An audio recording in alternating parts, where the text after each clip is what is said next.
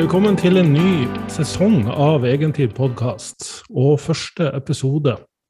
Mitt navn er Børge Fagerli, og eh, må bare takke veldig mye for eh, alle hyggelige tilbakemeldinger jeg har fått fra dere lyttere der ute, som eh, både likte sesong én av podkasten og ønska at jeg skulle starte igjen med sesong to. Så da er vi offisielt i gang. Grunnen til at dette her ble litt utsatt, det hadde jo opprinnelig lova eh, oppstart i august, det er rett og slett at uh, livet som vanlig møter det optimale. Skulle gjerne ha kommet i gang i august, men det har vært en litt hektisk høst jobbmessig. og da har podkasten, som egentlig bare er en hobbyvirksomhet, måttet blitt nedprioritert, dessverre, for, for alle dere som, som hører på.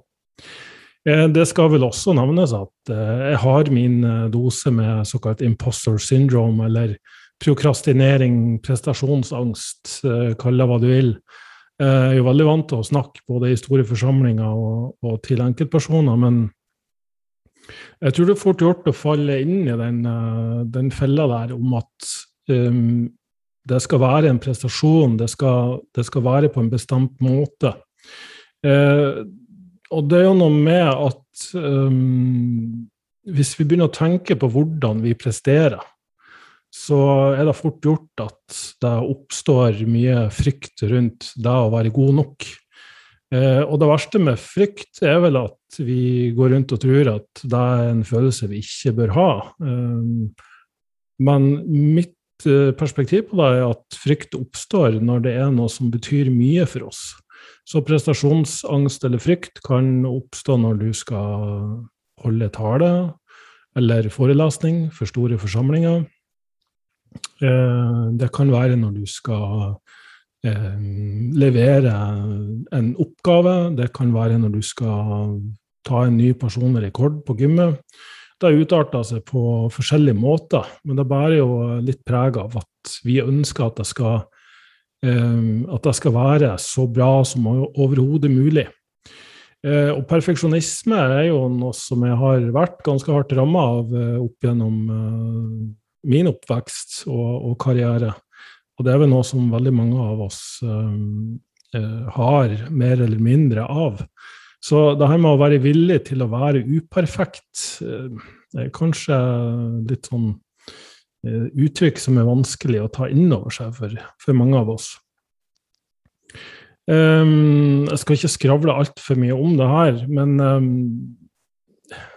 det, det, som har hjulpet meg, i hvert fall, er nummer én å innse at perfekt skjer som regel bare én til to ganger i løpet av en karriere. Gitt at vi faktisk har en god definisjon på hva perfeksjonisme egentlig er.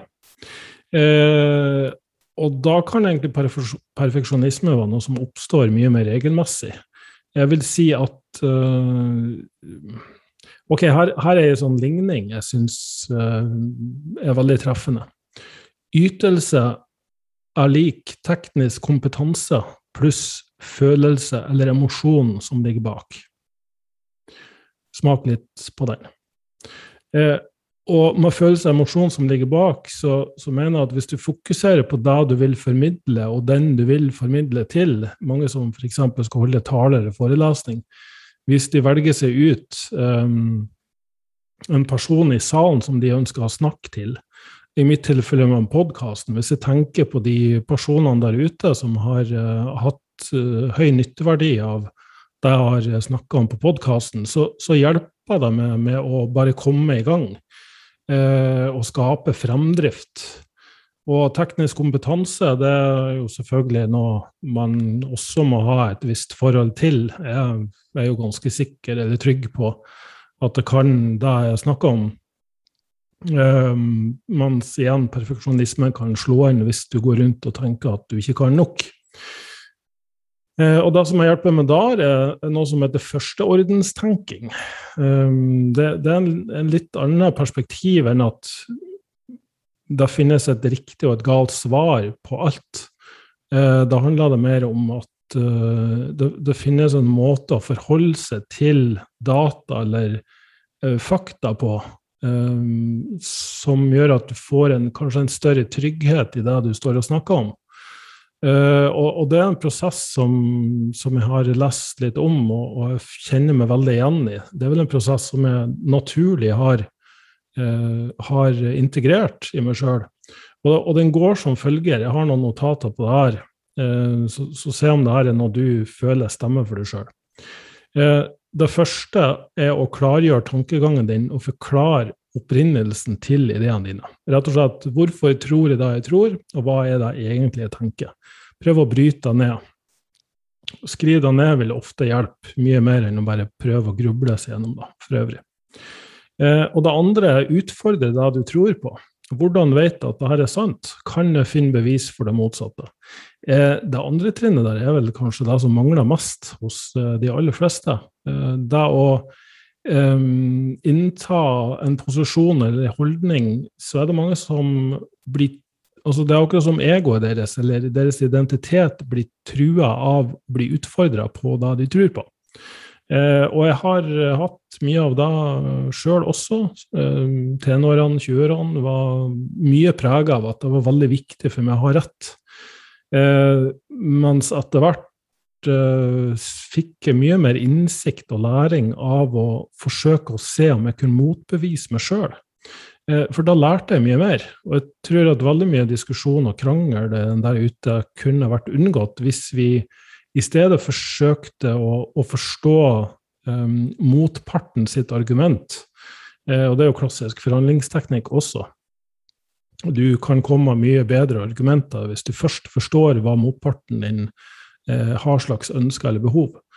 Uh, og, og, alle går rundt og tror at de har rett, uh, både de som tror på A og de som tror på B. Så, så, jeg tror vår kollektive forståelse av ting kan løftes i mye større grad hvis vi forsøker å sette oss inn i hva motparten tror på.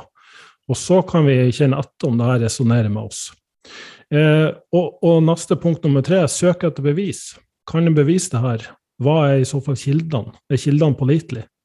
Mange argumenterer jo ut ifra en Netflix-dokumentar de har sett, og, og, tar seg kanskje ikke bryet med å, å sjekke fakta nok. Eh, ja, nå, nå, henviser jeg til den evige kostholdsdebatten, om det er lav eller høykarb, eller det er mer eller mindre kjøtt eller plantekost, eller det er høyditt eller lav datt. Kommer helt an på. Du kan egentlig finne bevis for det aller meste, men du må sjekke kildene dine. Og, og, der er det jo også en del kompetanse som trengs for å eh, være sikker på at du forstår den forskninga, eller være sikker på at den kilden du har til den som tolker forskninga, er, er pålitelig. Så er det her en person som eh, sjøl driver med førsteordenstenking, det å utfordre seg sjøl, eller er det en person som selger konsepter, for å si det på den måten. Har de noe agenda bak, da kan det være eh, ja, fornuftig i hvert fall å være kritisk til hva denne personen eller selskapet formidler. Eh, det neste er vurdere alternative eller motsatte perspektiver. Hva tenker andre om dette?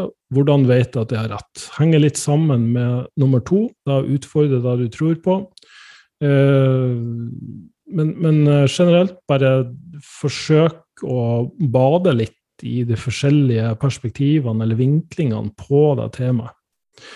Eh, nummer fem, undersøk konsekvenser og implikasjoner. Hva om jeg tar feil? Hva er konsekvensene hvis jeg gjør det? Eh, det er for så vidt ikke noen store konsekvenser om du har rett eller feil når det gjelder hvor mye karbohydrater eller hvor lite karbohydrater du skal spise. Men hvis man begynner å gå inn på ja, f.eks. behandling av kreft eller autoimmune sykdom eller ting som faktisk kan gjøre folk veldig syke, eh, i verste fall gjøre at de dør tidligere, så, så, tror jeg i hvert fall det kan lønne seg å tråkke litt mer forsiktig, og være litt mer ydmyk eh, i forhold til hva man tror på. Så kommer vi eh, rundt hele sirkelen til nummer seks. Still spørsmål til de opprinnelige spørsmålene. Hvorfor tenkte jeg det jeg tenkte? Hadde jeg egentlig rett? Hvilke konklusjoner kan jeg trekke etter å ha gått gjennom hele denne prosessen, resonnementsprosessen? Så oppsummert, nummer én, klargjør tankegangen din og forklar opprinnelsen. Eh, hva er det jeg egentlig tenker, hvorfor tror jeg på det? Utfordre det du tror på. Hvordan vet jeg at det er sant? Kan jeg finne bevis for det motsatte? Søk etter bevis. Hvordan kan du bevise det her, og hva er i så fall kildene? Er de pålitelige? Nummer fire, vurder alternative eller motsatte perspektiver. Hva tenker andre? Finnes det andre måter? Ikke bare det motsatte, men kanskje det finnes flere måter, flere veier til rom, som man sier. Undersøk konsekvenser og implikasjoner. Hva om jeg tar feil? Og er du så redd for å ta feil at du dermed blir mye mer bestandt på at du har rett? Det er jo også noe med å få trua sitt ego eller sin identitet, basert på hva du går ut med og anbefaler og tror på. Eh, undersøk konsekvenser og implikasjoner. Eh, ja, det var den jeg nevnte, selvfølgelig. Og nummer seks, still spørsmål til de opprinnelige spørsmålene. Etter du har gått gjennom de første fem, eh, tror jeg fremdeles at jeg har rett. Og um, som sagt syns jeg det her har vært en veldig sånn, nyttig prosess. Jeg har brukt en del av den tida ikke bare til å jobbe, men også til å ta en liten ettersjekk på hva jeg tror på, hva jeg tenker. Jeg har fått mye mer erfaring med å jobbe med kunder. Uh, og hvilke temaer er det som går igjen? Hva er det folk har problemer med? Hva er det de sliter med å finne ut av? Hvordan kan jeg hjelpe dem på best mulig måte? Så, så egentlig tilbake til hvorfor det her, her, har tatt litt tid å komme ut med første episode og andre sesong, er um, ikke bare den prokrastineringa, men også fordi jeg følte behov for å klargjøre litt hva jeg tenkte om ulike ting. Og så er det vel ikke til å stikke under en stol at det å komme opp med tema og vite hva man skal snakke om Det er så uendelig mange ting man kan snakke om uh, i, i, det her uh, med trening og kosthold, men også mentaltrening og hvordan vi har det med oss sjøl, at uh, det, det, er fort gjort å bli litt overvelda. Og, og, det her med at det er veldig mye informasjon, det er jo faktisk også et tema som jeg ser går igjen hos enkelte der ute. Eh, hvordan skal man egentlig finne ut hva som er riktig? Eh, og igjen, er du perfeksjonist, så, så, kan det være Det kan skape mye uro og ubehag eh, hos mange personer der, fordi de leter etter oppskrifter, de leter etter resepter. Eh, den eneste rette måten der alle andre er feil.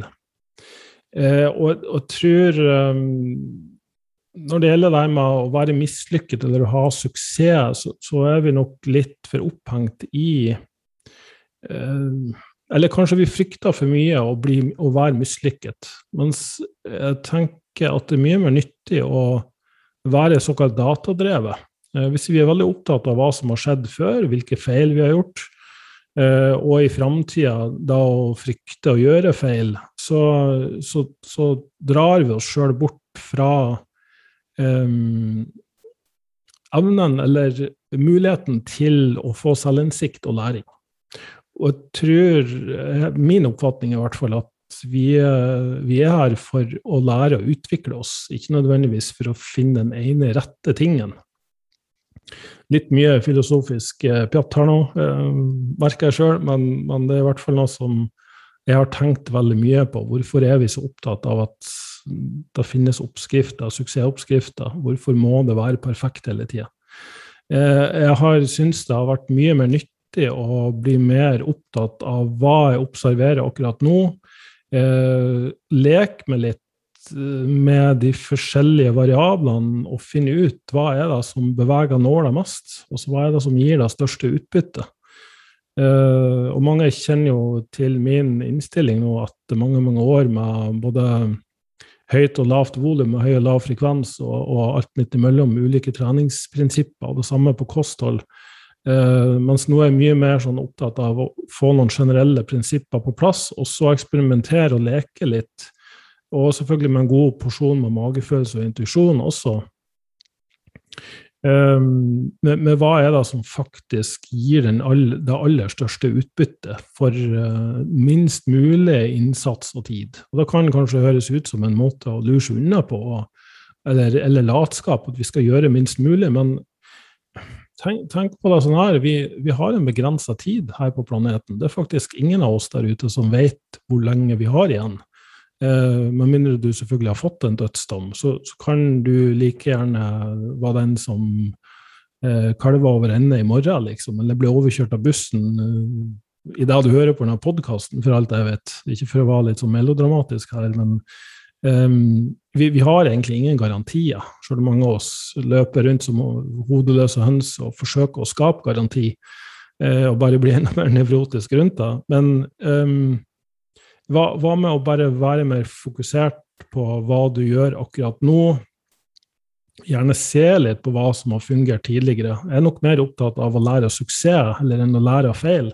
En sånn klisjé jeg føler at uh, du må lære av dine feil det er egentlig ikke så Altså, det er folk som har gjort suksess, og folk som har feila, og de kan ha gjort nøyaktig det samme. Det er ikke nødvendigvis alltid noe å lære der. Det er så mange ting involvert i hva som skaper suksess og feil, at jeg tror vi har mye mer igjen for, mye mer ro i hvert fall, eh, av å fokusere på hva som foregår her og nå, og så prøve å ta litt kvalifiserte gjetninger på hva er det som vil gi det aller største utbyttet. Men, men, der igjen møter vi litt på det problemet med at um, hva skal vi fylle all den ledige tida med, hvis vi ikke bruker den på alle mulige nyttige og unyttige problemer? Uh, og Det er et spørsmål jeg ofte må stille til, til, kundene mine. Det vi kommer til å gjøre nå, det er å frigjøre masse tid for det, som du vanligvis har brukt på å tenke og gruble på alt mulig rart, og gå og plage deg sjøl over, og, og kanskje strekke det litt for langt og litt for tynt, uh, både på karriere og på utdanning, privaten, kjærlighetslivet, hva enn det er. Eh, så, så da å få en høyere ROI, return of investment, eller um, høyere utbytte av den tida og innsatsen du faktisk bruker på noe, da vil du også frigjøre veldig mye. Så, så hva har du egentlig tenkt å bruke den tida på? Eh, og, og, da med å være datadrevet veldig nyttig, for da kan du også fokusere mer på prosessen. Du kan fokusere på progresjon. Eh, mange sitter jo der og venter på å få motivasjon, eller håper at eh, de kan kjøpe motivasjon. Eh, se noen dokumentarer eller YouTube-videoer for å få motivasjon. Og for all del, du, du kan sikkert få en viss trigger men eh, og igjen tilbake til da å faktisk bare komme i gang med noe med denne podkasten. Eh, nå har jeg utsatt det hele den uka, og jeg skulle egentlig ha gjort det på mandag. Men så fant jeg ut vet du, i dag så har jeg i kalenderen, jeg skal sette meg ned og så skal jeg spille inn, og så ser jeg hva som skjer. Og så har jeg noen stikkord på hva jeg skal snakke om, og så ser vi bare om det går bra eller ikke. Og um, progresjonsfokus og handlingsfokus uh, tror jeg er mye viktigere. For det jeg merker akkurat nå når jeg sitter der og har snakka en gode 20 minutter uh, pluss, er at nå er motivasjonen mye større. Motivasjonen var ganske fraværende når jeg satte meg ned her. Jeg hadde veldig lyst til å være utsatt da igjen. Men når jeg først kom i gang, og jeg har uh, en viss prosess og en progresjon altså de ulike temaene jeg skal snakke om, så er det mye rett, eh, lettere å motivere seg sjøl. Og da kan vi kanskje til slutt her begynne å pense der over på trening. Eh, og da ha progresjon i trening. Eh, og muligens da tema som folk har sittet der og venta på at jeg skal begynne å snakke om, i stedet for alt det her filosofiske. Men, men tro meg, det er en mening bak alt. Så med det jeg har snakka om i bakhodet, og det jeg nettopp sa med å være datadrevet eh, Det krangles i hvert fall heftig om eh, ikke bare høyt og lavt volum og høy og lav frekvens, men også progresjon. Hva er det som skaper progresjon? Hva er det som gjør at du får gode resultater? Og alle er vel enige om at en viss kombinasjon av hvor hardt du trener, hvor tungt du løfter, og hvor lenge du gjør det. Så hvordan finner du ut hva som fungerer best for deg sjøl? Det ene er jo å se utover. Eh, hva sier ekspertene, hva sier forskninga? Eh, hva gjør mitt favorittidol på Instagram eller Facebook? Eh, og, og det er jo vel og bra da, for å få input og inspirasjon, men jeg tror det aller beste er å være datadrevet starte et sted, og så se hva som skjer. Og igjen, de to tingene som det kanskje diskuteres mest akkurat nå, er hvorvidt det å øke volum, dvs. Si det å trene flere sett, trene mer, er det viktigste for å bli sterk eller bygge muskelmasse. eller det å øke vekten over tid, om det er viktigst. Etter min mening Jeg tenker vel som så at hvis du trener riktig, hvis du har den riktige kombinasjonen av volum og frekvens, og man da mener den viktige kombinasjonen i forhold til din egen genetikk, din, din egen restitusjonsevne, søvn, stressnivå, det er selvfølgelig faktorer som også må adresseres, eh, kosthold ikke minst, så er det så enkelt som at hvis du ser at du presterer bedre hver gang du er på gymmet, så har du en riktig kombinasjon av volum og frekvens. Eh, det som gjør det her litt vanskelig, er at kroppen vår er ikke en kalkulator. Det er ikke sånn at du alltid kan forvente at da du putter inn, da får du ut. Så det er ikke nødvendigvis sånn at da å trene mer vil gi eh, bedre fremgang. Det er ikke nødvendigvis sånn at da å trene tyngre vil gi bedre fremgang. Men hvis du ser at du klarer å ta flere repetisjoner på samme vekt enn forrige gang, eller ei tyngre vekt og samme repetisjoner, eller i hvert fall eh, ikke fullt så stort dropp i repetisjoner som sist, eh, så kan du anta i hvert fall at eh, du trener med riktig volum og frekvens. Det samme kan vi si med kosthold. Og der er det jo litt sånn at siden kroppen er såpass adaptiv som den, som den er, det her er da det kommer inn at coaching er mer en kunst enn en vitenskap, eller i hvert fall minst like mye. Eh, det er at av og til når du spiser mer, så kan du gå ned i vekt. Eh, og du spiser mer, så kan du gå ned i fettprosent. Nettopp fordi kroppen er en sånn evolusjonær overlevelsesmaskin, som selvfølgelig også når overlevelse sikrer vil ønske reproduksjon. Det vil si at mange hormonelle spørsmål kommer an på hvorvidt du har sikra overlevelsen din eller ikke. Eh, og evig kaloriinnskudd og diett kan uh, føre til at uh, vekt står i ro og prestasjonen går ned. og um, Ikke nødvendigvis det at du legger på deg fett, men det er i hvert fall veldig mange som opplever at det er veldig små avvik som skal til fordi de legger på seg fett. Eh, og for ikke spore altfor mye i den kostholdsdiskusjonen, den kan jeg komme inn på senere, men så er det det her med å faktisk Ok, gitt at situasjonen er som den er nå, hva kan være fornuftig å gjøre? Hvis du har gått veldig lenge på diett, spist veldig lite veldig lenge, du har alle symptomer på nettopp da, så kan det være mer fornuftig å spise mer enn å spise mindre. Um, igjen, jeg skal snakke mer om det temaet i en annen podkast.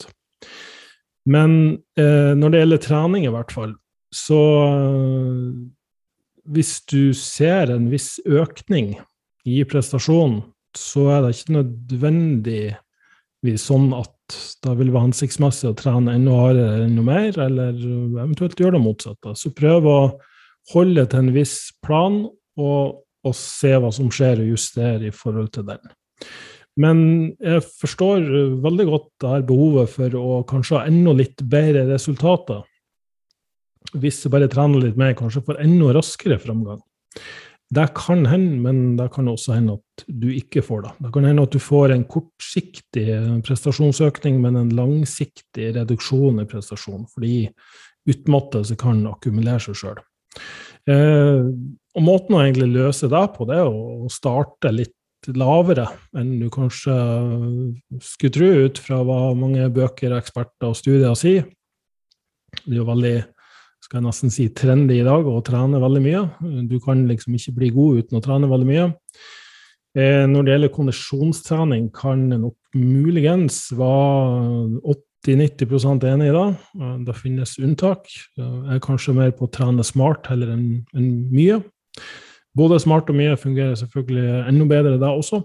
Um, når det gjelder styrke og muskelmasse, så trenger det ikke å være sånn at å trene mye mer vil være det aller beste. Så, så her er min um, tommelfingerregel. To til tre sett vil utgjøre mesteparten av treningseffekten. Uh, I hvert fall hvis du trener hardt nok. Hvilket repsområde du skal trene, prøv en progresjon fra høy reps til lav reps, og se hvor du føler det best, og hvor du observerer best progresjon. Eh, skulle jeg ha vadda på et eh, repsområde blitt, blitt bedt om å si hva jeg tror fungerer best, så har jeg vel en viss forkjærlighet for fem til åtte repetisjoner. Um, der finnes unntak. Er du litt eldre, da vil Si 50 pluss, er du kvinne, så kan det være at litt høyere repsområder, 8-12, fungerer bedre. Og kanskje til og med høyere enn deg igjen. Eh, det her vet du bedre enn meg, men igjen prøv å være datadrevet heller enn fasitsvaredrevet. fasitsvardrevet.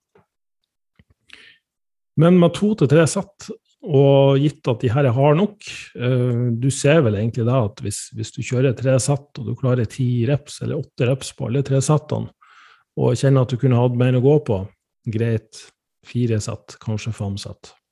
Hvis du er den som trener ganske hardt og ser at fra et sett til det neste, så mister du ganske mange repetisjoner. La oss si du klarer åtte på det første og fem på det neste. Eh, nummer én, ikke ha for korte hvilepauser. Har du for korte hvilepauser, så vil det gå utover framgangen din, og du må faktisk ta flere sett for å kompensere for at eh, du har lavere kvalitet på treninga di. Gjør færre ting bedre, som jeg pleier å si. Um, så, så, to til tre minutter minimum mellom settene, vil jeg si. Kanskje lengre hvis det er store baseløft, som tar veldig mye ut av det. Men har du da et stort drop-off, så er det jo da fordi du eh, er i stand til å ta det nok ut på første sett, og eller at du har litt lavere arbeidskapasitet eller volumtoleranse. Og da kan det indikere at to til tre sett er en sweet spot og veldig perfekt for det. Men svaret får du neste gang du drar på trening, gitt at du har lang nok pause mellom. Jeg vil si at rundt to ganger i uka, hver tredje til femte dag, to til tre sett, det er en sweet spot som er veldig fin å starte med for de aller, aller fleste. Og noen har progresjon og framgang over mange, mange år med det. Men igjen, er du datadrevet, så kan du se er det nødvendigvis riktig. Her er et eksempel. Nå har jeg et, uh, nå har jeg et program der jeg har fokus på pullups og dips. Trene de sammen. Jeg starter med å trene det tre ganger i uka. Eh, tre satt, fem til åtte reps. Og basert på om jeg klarte i øvre del av repsområdet eller nedre, så justerte hvor mye økte vekta neste gang. Det jeg opplevde, var da at øh, prestasjonen økte egentlig ikke spesielt mye. Det, det, var kanskje snakk om en rep ekstra per uke, eller at jeg klarte en halv kilo. Jeg lå hele tida og, og, kjente at jeg trente nesten på grensen til, til maks, liksom. Hadde kanskje én rep i reserve, det er i hvert fall min sånn tommelfingerregel. Og hadde generelt bare lite å gå på, selv om jeg prøvde å starte litt under det jeg hadde som maks.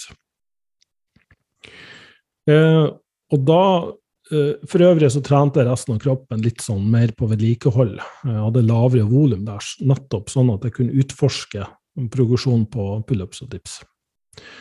Så uh, igjen for å si litt om den progresjonsmodellen. Klarte jeg åtte reps på alle settene, så kunne jeg øke med ja, 1,25 til 2,5 kilo neste gang. Klarte bare fem reps, så økte jeg ikke i det hele tatt. Uh, klarte bare fem reps på første settet og, og, bare fire eller tre på neste. Da tok jeg av Eller jeg klarte bare fem reps på første sett, så tok jeg av vekt på det neste settet, for å si det på den måten. Så, så det er en litt sånn dynamisk måte å, å, å, um, å ha progresjon på. Justerte vekta neste gang ut fra hva jeg klarte forrige gang. Eh, stor fan av det. Og det jeg da gjorde, det var at jeg la, en, jeg la merke til at når jeg trente, um, i mitt tilfelle tirsdag, torsdag, lørdag Jeg liker ikke mandag, onsdag, fredag, for jeg syns det er greit å ha ei lørdagsøkt. Jeg har så mye å gjøre på, på mandager. Um, når jeg hadde to hviledager, så hadde jeg litt bedre fremgang. Altså fra lørdag til tirsdag så hadde jeg litt bedre fremgang enn jeg hadde fra tirsdag til torsdag. Så da tenkte jeg OK, kanskje jeg skal prøve meg enda lengre pause mellom. Så det jeg begynte å gjøre da, det var at jeg trente pullups og dips annenhver gang i stedet. Eh, så ene uka vil jo da bli tirsdag og lørdag. Eh, og så ble det torsdag neste uke, og så ble det tirsdag og lørdag igjen. Sant? Sånn at jeg trente hver femte til sjette dag. Da begynte det faktisk å øke enda bedre. Det samme opplevde jeg for øvrig både på eh, markløft, eller rumensk markløft i mitt tilfelle. Når jeg trente den uh, først, um, annenhver økt, dvs. Si jeg hadde uh, pullups, dips, og en knebøyelig utfallsvariant i én økta. Neste økta så trente jeg rumensk markløft, skulderpress og en roøvelse ekstra. Så jeg hadde en sånn helt ok økning. Men når jeg begynte å veksle mellom å trene fordi rumensk markløft kjører jeg det ganske tungt, rundt 150 kg, 8-10 reps, Eh, så, så, kjente jeg at jeg kunne gå rundt og ha litt sånn småvondt i, i ryggen og sånn. Eh, og løsninga på det var at annenhver gang heller trente eh, en lårkøl og en rygghev. Sant? Litt lettere vekter, ikke fullt så hardt. Sånn at eh, når jeg da kom tilbake og skulle trene rumensk markløft, vips, da hadde jeg økt to reps, eller jeg kunne legge på 2,5 til 5 kg, i stedet for å akkurat så vidt klare det. Så, så igjen, Chins, pullups Det har vist seg å være en ganske magisk uh, greie da, å legge inn ekstra hviledager. Trene litt mindre der. Tre satt, fem til åtte reps. Plutselig klart å øke med mer, altså 1,25 til 2,5 kilo, eller på samme vekt så klarte jeg 1 til 2 repetisjoner til, der jeg tidligere kun klarte det én gang i uka. Um, og, og, fra et sånt datadrevet perspektiv, ja greit, da kan det kanskje være fristende å prøve meg enda lengre hvilepause mellom for å se om det funka. Da tasta jeg faktisk også, men jeg opplevde der at når det gikk seks dager mellom hver økt, så hadde jeg litt lavere framgang enn når jeg hadde fem dager mellom. Så da kan det se ut som mellom fire og fem dager er en sånn sweet spot um, på tre sett og der er repsområdet. Håper du hang litt med på den uh, tankeprosessen der. Men uh, bare sånn at du skal forstå hva jeg mener med å være datadrevet, heller enn å se ok, hva er det andre gjør, hva er det forskninga sier, hva er det da og da programmet gjør. Jeg isolerte ut pullups og dips. Um, trente resten på vedlikehold. Var ikke så veldig opptatt av progresjon der, sjøl om jeg faktisk hadde det. Og så så jeg på ok, hva var det som moved the needle, altså hva var det som bevega nåla mest. Eksperimenterte litt med både hvor nært utmattelsespunktet jeg trente. Prøvde også å ha en par til tre reps i reserve og trene mye mer sånn submaksimalt. Da fikk jeg ikke samme respons, og dermed gikk jeg tilbake til å trene litt nærmere utmattelsespunktet. Eh, la inn ekstra hviledager, prøvde med høyere frekvens og lavere frekvens. rett og slett. Prøvde også med ett ekstra sett, uten at det ga noe bedre framgang, eller motsatt. Eh, og rett og slett bare lekte litt med det. Så det er klart det er en prosess som har foregått eh, over åtte til ti uker, vel. Men jeg er jo mye klokere nå, og har selvfølgelig også et øye på hvor godt har jeg spist, hvor godt har jeg sovet, det er veldig mye stress for øvrig som skjer. F.eks. så at en par netter med litt dårlig søvn, og da hadde jeg fordi jeg brått drakk litt mer kaffe enn normalt sett gjør, så var ikke framgangen like bra. Men i stedet for da å justere veldig mye på treningsmengde eller begynne å bytte program eller øvelser, kutta kaffeinntaket litt tidligere, sånn at jeg sov litt bedre, sånn at jeg restituerte meg litt bedre, sånn at jeg faktisk kunne forsvare den treningsmengden jeg hadde.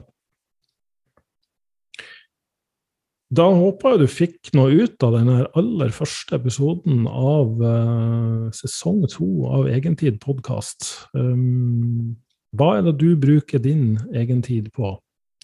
Som du har skjønt, så bruker jeg min på å gruble og tenke veldig mye, og filosofere og forsøke å forstå hvordan eh, vi mennesker henger sammen, og hva som kan få oss til å eh, få framgang, lære mer og utvikle oss. Eh, og da vil det også være tema for videre episoder i denne sesongen. Send meg gjerne forslag til tema du ønsker jeg skal snakke om, på coach at borgerfaglig.no. Eh, setter stor pris på at du lytter. Setter også stor pris på om du deler denne podkasten med andre om du gir det her en uh, omtale, sånn at uh, den kan uh, vises til flere uh, likesinnede mennesker der ute som du tenker kunne hatt nytteverdi av å høre på det jeg har å si. Takk for at du var med så langt. ha en fortsatt strålende dag, kveld eller morgen, hvor enn du befinner deg der ute i verden. Og jeg skal forsøke å spille inn episoder ca. én gang i uka. der da jeg ser at jeg kan ikke holde meg til et fast skjema, fordi jeg har en litt, foreløpig litt sånn uforutsigbar uh, jobbhverdag og privatliv og andre prosjekter.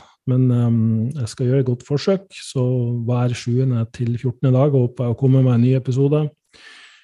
Jeg har også tenkt å ikke legge fullt så mye press på meg sjøl når det gjelder å invitere andre gjester. Da var veldig mye logistikk involvert, å få ting til å klaffe. og Bratt så gikk det ikke å få den gjesten på, og så måtte jeg sitte der og snakke uh, alene. Og jeg har fått tilbakemelding på at folk satte faktisk mest pris på de episodene jeg bare sitter og, og prater. Noe som overrasker meg, men it is what it is. Så, så, da skal jeg gjøre mer av det denne sesongen. Men tips til gjester, send gjerne deg også til coach.børgefaglig.no. Tusen takk for meg, og håper å eh, høre det, se det igjen i en senere.